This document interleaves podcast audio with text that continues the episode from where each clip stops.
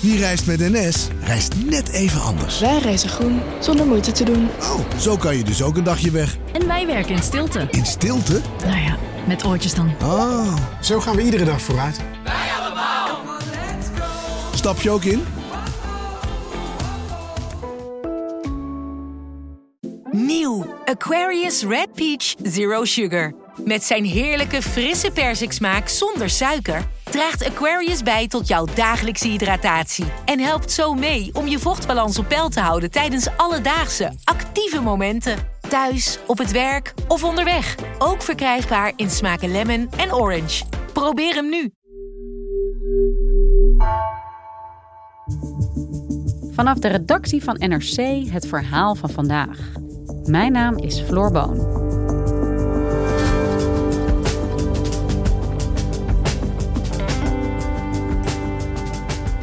...70 jaar op de troon. De Britse koningin Elizabeth viert deze week haar platina-jubileum... en daarvoor wordt alles uit de kast getrokken. Maar met haar 96 jaar is ook het einde van haar koningschap in zicht... vertelt correspondent Annemarie Kas. Om alvast op de zaken vooruit te lopen... Welke toekomst ligt er in het verschiet voor het Britse Koningshuis als de bekendste vorst ter wereld er straks niet meer is?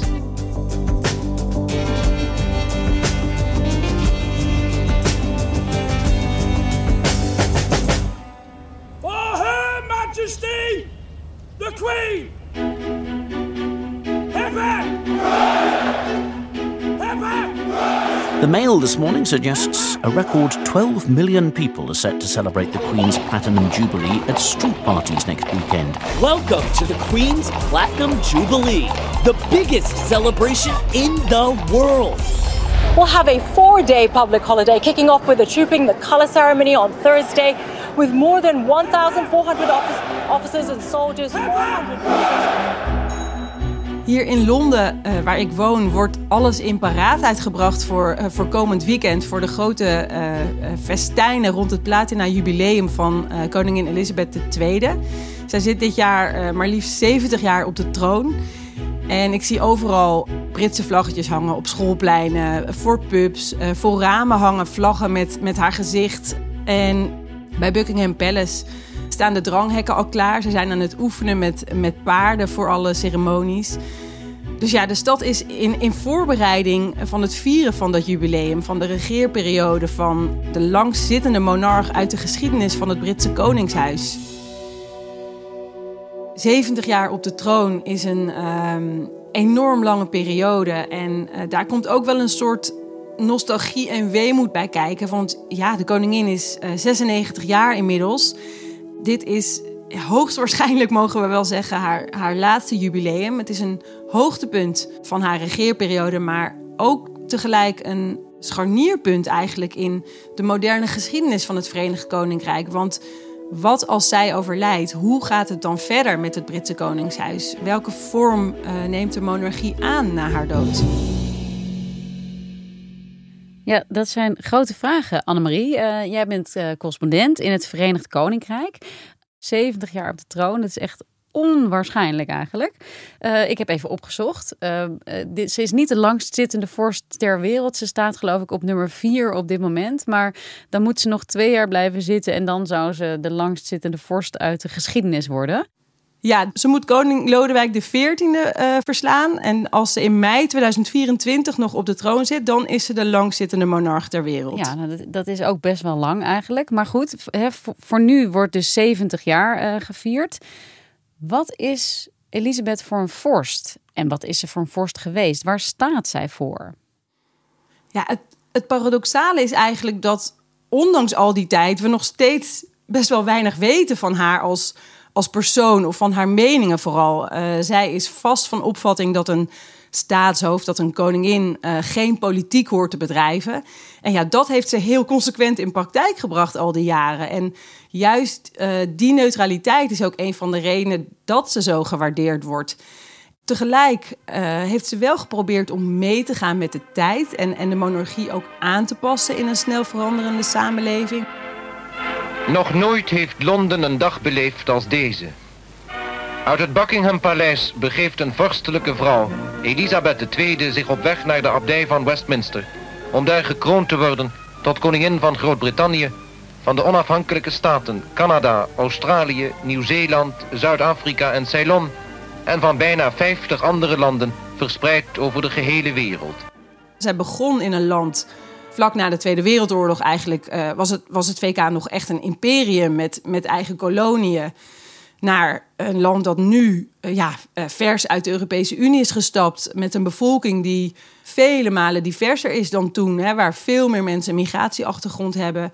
waar via sociale media alles binnen een paar minuten heel het land doorgaat. Of heel de wereld overgaat. Dus ja, ze is echt koningin van, van een heel ander land. En ja, wat kenmerkt dan ook die Britse monarchie onder haar leiding? Dit gaat ook over haar persoon. Wat voor soort monarchie is dat geweest? Heeft zij een soort stempel gedrukt? Eentje waar uh, burgerschap heel belangrijk is. En ja, de gezamenlijkheid van, van een volk te, te benadrukken. Dus toch die verbinding uh, te benadrukken in een samenleving. Dat is wel een van de dingen die zij uh, heel belangrijk heeft, heeft gevonden. Of vindt nog steeds. En daar probeert ze ook uh, direct eigenlijk een soort dialoog met de bevolking over aan te gaan. Zo zijn de kersttoespraken die ze jaarlijks houdt. Um, dat, dat was haar idee om die op televisie uit te zenden. En die verbinding uh, die benoemt ze dan ook in, in haar toespraken, ook met kerst. Coming together of like-minded nations. And February, just six weeks from now, will see the start of my Platinum Jubilee year which I hope will be an opportunity for people everywhere to enjoy a sense of togetherness, a chance to give thanks for the enormous changes of the last 70 years social, scientific, and cultural, and also to look ahead with confidence. En Elisabeth is nu dus 96. Um, ja, zoals jij ook zei, behoorlijk grote kans dat dit haar laatste jubileum is. Uh, zeker omdat ze dus ook een broze gezondheid heeft. Ja, hoe is het daarmee? Haar gezondheid is sterk achteruit gegaan, vooral het afgelopen jaar eigenlijk. Een paar maanden geleden is ze besmet geraakt met, met COVID-19 en dat heeft uh, ja, een behoorlijke impact gehad op haar. En sindsdien komt ze eigenlijk maar weinig in het openbaar. En in haar geval is het toch bijzonder dat daar iets over naar buiten komt. Want ja, haar gezondheid was heel lang iets waar Britten helemaal niet over spraken. Uh, de mogelijkheid dat ze zou overlijden, ja, dat, daar had je het niet over. En haar gezondheid was ook voor de woordvoerders van het paleis altijd een privé kwestie. Maar ja, nu is zo duidelijk dat ze, dat ze kwetsbaar is en een, en een oudere dame. Dus ze hebben nu eigenlijk geen andere keus dan het wel te benoemen. En zij, zij hebben ook formeel naar buiten gebracht dat vaak pas op de dag zelf wordt bepaald of ze ergens bij aanwezig kan zijn of niet. Dus er staat altijd iemand anders van het Koningshuis klaar om het, om het van haar over te nemen, mocht ze het niet redden. En een heel kenmerkend voorbeeld daarvan was eigenlijk onlangs dat haar zoon, hè, eh, kroonprins Charles, uh, onlangs voor het eerst de Britse variant van de troonrede namens haar uitsprak. My lords, and members of the House of Commons. Her Majesty's government's priority is to grow and strengthen the economy and help ease the cost of living for families. Her Majesty's government will level up opportunity in all parts of the country and support more people into work. Ja, en je hebt het ook over die geslotenheid van het Britse Koningshuis. Dat er zelfs heel lang geen uitspraken werden uh, gedaan over uh, bijvoorbeeld de gezondheid van toch de belangrijkste persoon, de koningin. Um, maar ja, als ik denk aan het Koningshuis, dan zie ik vooral twee grote ja, schandalen die zich hebben afgespeeld de afgelopen tijd. Rondom prins Harry en Meghan en de zoon van uh, Elizabeth, prins Andrew. Dus het gaat niet alleen maar over goede en mooie dingen daar. Nee, helemaal niet. Dit jubileum is meer eindelijk een soort uh, iets positiefs uh, rond het Koningshuis. Terwijl er de afgelopen jaren vooral heel veel negatieve zaken naar buiten zijn gekomen, inderdaad. Wat je zei, die, die kwestie rond Prins Harry en Meghan, uh, aanvankelijk leek dat geweldig voor het Koningshuis. Hè? Meghan, eh, Amerikaanse actrice, zij werd uh, warm onthaald eigenlijk. Het was zo goed voor een frisse wind en uh, diversiteit. Eindelijk zou het Britse Koningshuis ja, meer een afspiegeling zijn van de moderne en ook diverse Britse samenleving. Maar ja, dat eindigde in een soort anticlimax waarin, waarin zij ehm, hun taken hebben neergelegd, afstand hebben gedaan van hun titels, zijn geëmigreerd naar Californië in de Verenigde Staten. En dat heeft echt een, grote deuk opgeleverd voor het imago van het Koningshuis. En een nog veel pijnlijker schandaal misschien was dat van prins Andrew. Dat is de tweede zoon van Elizabeth. Die is uh, verwikkeld geraakt in een rechtszaak rond mogelijk seksueel misbruik. Een uh, Amerikaanse jonge vrouw, uh, Virginia Roberts, die heeft hem, ja, die is een zaak tegen hem begonnen in de Verenigde Staten. Zij zegt meermaals gedwongen te zijn geweest seks met hem te hebben gehad. Dat was geregeld door pedoseksueel Jeffrey Epstein ongeveer 20 jaar geleden waar Andrew ook uh, ja, bevriend mee was. En dat was voor Elizabeth echt een enorm pijnlijke zaak. En uiteindelijk heeft Andrew geschikt met Roberts, dus die zaak is niet voor de rechter gekomen. Hij heeft de zaak afgekocht eigenlijk met, met 12 miljoen pond. Dat is omgerekend uh, ongeveer 14 miljoen euro. En de Queen zou daar ook aan hebben bijgedragen, wat natuurlijk ook pijnlijk is. Uh, het is niet helemaal duidelijk of dat uh, publiek geld is geweest. Maar goed, waarschijnlijk volgens de Britse media heeft zij daar dus wel aan meebetaald. Nou ja, een koningin die meebetaalt aan een schikking over een seksmisbruikzaak, uh, dat is natuurlijk heel erg pijnlijk. In aanloop naar die zaak zag het paleis en, en ehm, de koningin zich dus ook gedwongen om Andrew zijn titels te ontnemen. More now on tonight's news that the Duke of York is stepping back from royal duties for the foreseeable future in the light of the Jeffrey Epstein scandal. In a statement, he said that his association with a convicted sex offender had become what he described as a major disruption to the royal family's work. Dus dat was ook echt iets wat in aanloop naar dit jubileum als een soort ja, donkere wolk uh, boven, boven het paleis hing eigenlijk. Ja, en dit, is al in Groot-Brittannië zelf. In Nederland kregen we het ook mee. Volgens mij is dit behoorlijk internationaal aangezet, wel, deze uh, schandalen. Um, als we het daar ook over hebben, internationaal, hoe staat het Koningshuis ervoor in de wereld? Ik bedoel, Elisabeth is niet alleen maar de monarch van uh, Groot-Brittannië, maar van veel meer landen. Ja, precies. En, en daar is eigenlijk ook al een ongemakkelijke ontwikkeling gaande wat je zegt, zij is staatshoofd van, uh, van nog veertien uh, voormalige Britse koloniën. Denk Australië, Nieuw-Zeeland, Canada, ook kleinere Caribische landen, Jamaica, Antigua en Barbados. Dat zijn uh, de Commonwealth Realms, onafhankelijke staten die wel de koningin als staatshoofd hebben. En daar zie je die beweging weg van de monarchie langzaam maar zeker. Vorig jaar, november, werd Barbados republiek.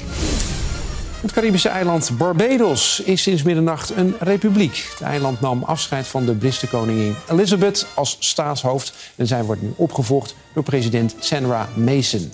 Het eiland is al 55 jaar onafhankelijk, maar nu is het geen deel meer van het Britse koninkrijk. Je ziet andere landen die ontwikkeling met uh, veel interesse volgen. Er ontstaan ook bijvoorbeeld in uh, Jamaica en andere landen uh, protesten, campagnes om ook een republiek te worden. Maar het Koningshuis weet zich in die trend niet echt een houding te geven. Um, uh, Prins William en Kate waren uh, onlangs op bezoek aan, in het Caribisch gebied. Ze waren in Jamaica. En ja, William stond eigenlijk een beetje met zijn bek vol tanden toen uh, hij naast de premier van Jamaica stond. En die zei dat ja, ook hij voor zich zag dat Jamaica op termijn eigenlijk een republiek wil worden. The remarks after a welcome for the royal couple Wednesday morning, where Jamaica's prime minister had a message. All smiles during the meet and greet, but the prime minister not shying away from saying it is Jamaica's destiny to become an independent country. Dus je ziet hier eigenlijk een, een groeiend zelfbewustzijn van landen ja, die af willen van die uh, van oudsher koloniale verbinding. Um, een toenemend besef ook dat die positie van het Koningshuis ja, eigenlijk alleen is omdat zij toevallig uh, door geboorte die status hebben gekregen en dat het geen democratisch proces is. Dus dit is eigenlijk een bevestiging van ja, veranderende verhoudingen wereldwijd. Ja, een, een einde van het tijdperk nadert misschien, zeg jij ook. Is het dan oneerbiedig gezegd gewoon een kwestie van wachten tot Elisabeth overlijdt?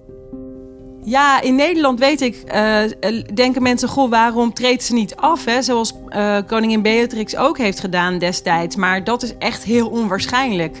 Um, Elizabeth is zelf uh, koningin geworden omdat haar oom, dat was koning Edward VIII, afstand deed van de troon. Hij wilde met een Amerikaanse trouwen. Dat was toen echt een no-go, was zeer omstreden.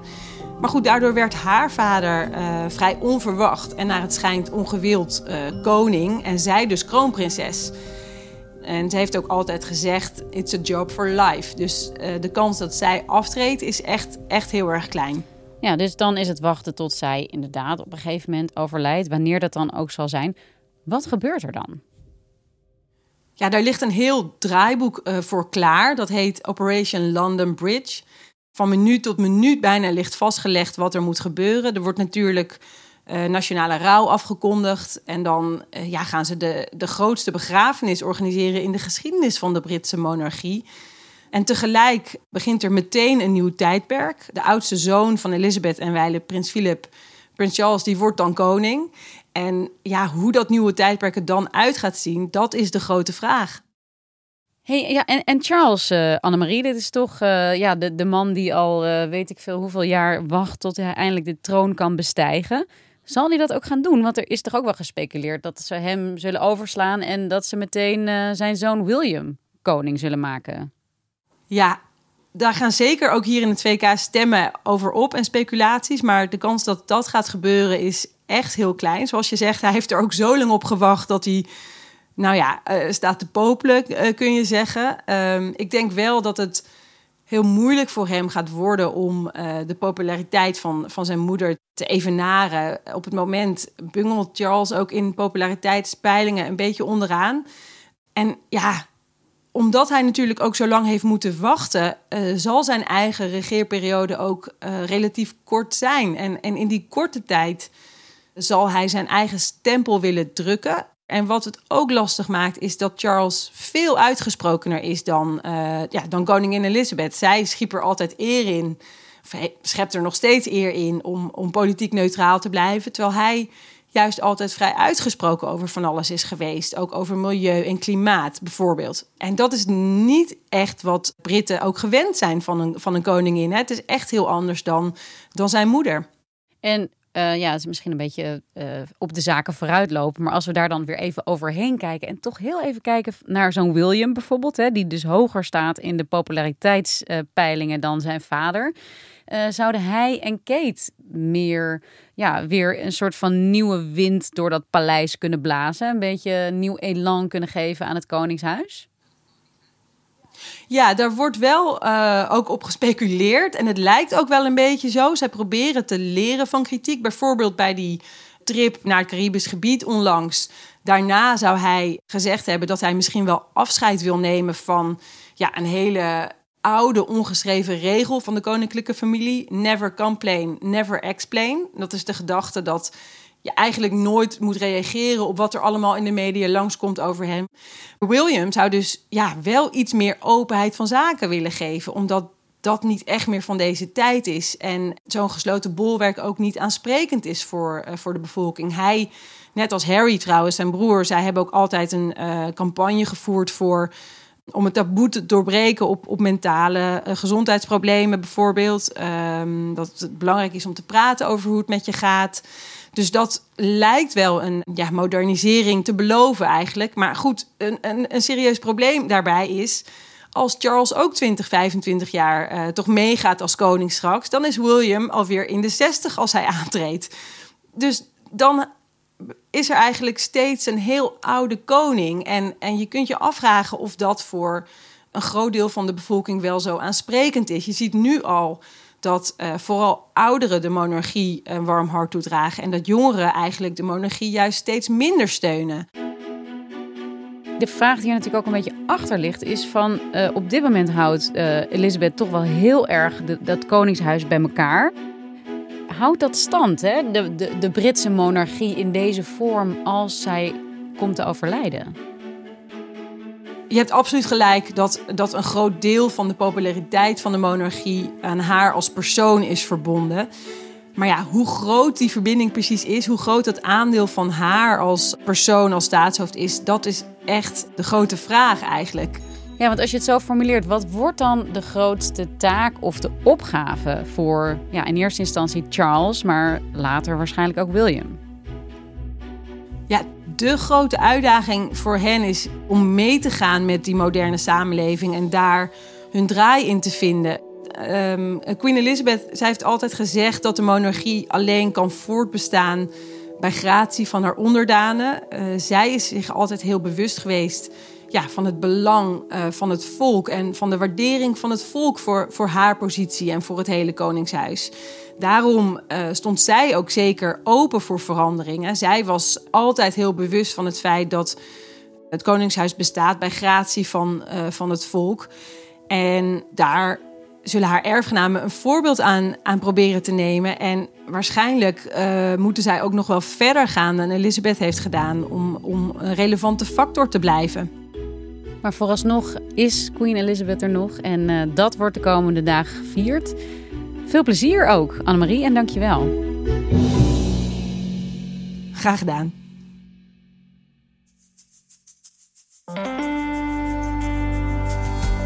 Je luisterde naar vandaag, een podcast van NRC. Eén verhaal, elke dag. Deze aflevering werd gemaakt door Lis Doutsenberg en Jeppe van Kesteren. Dit was vandaag. Morgen weer.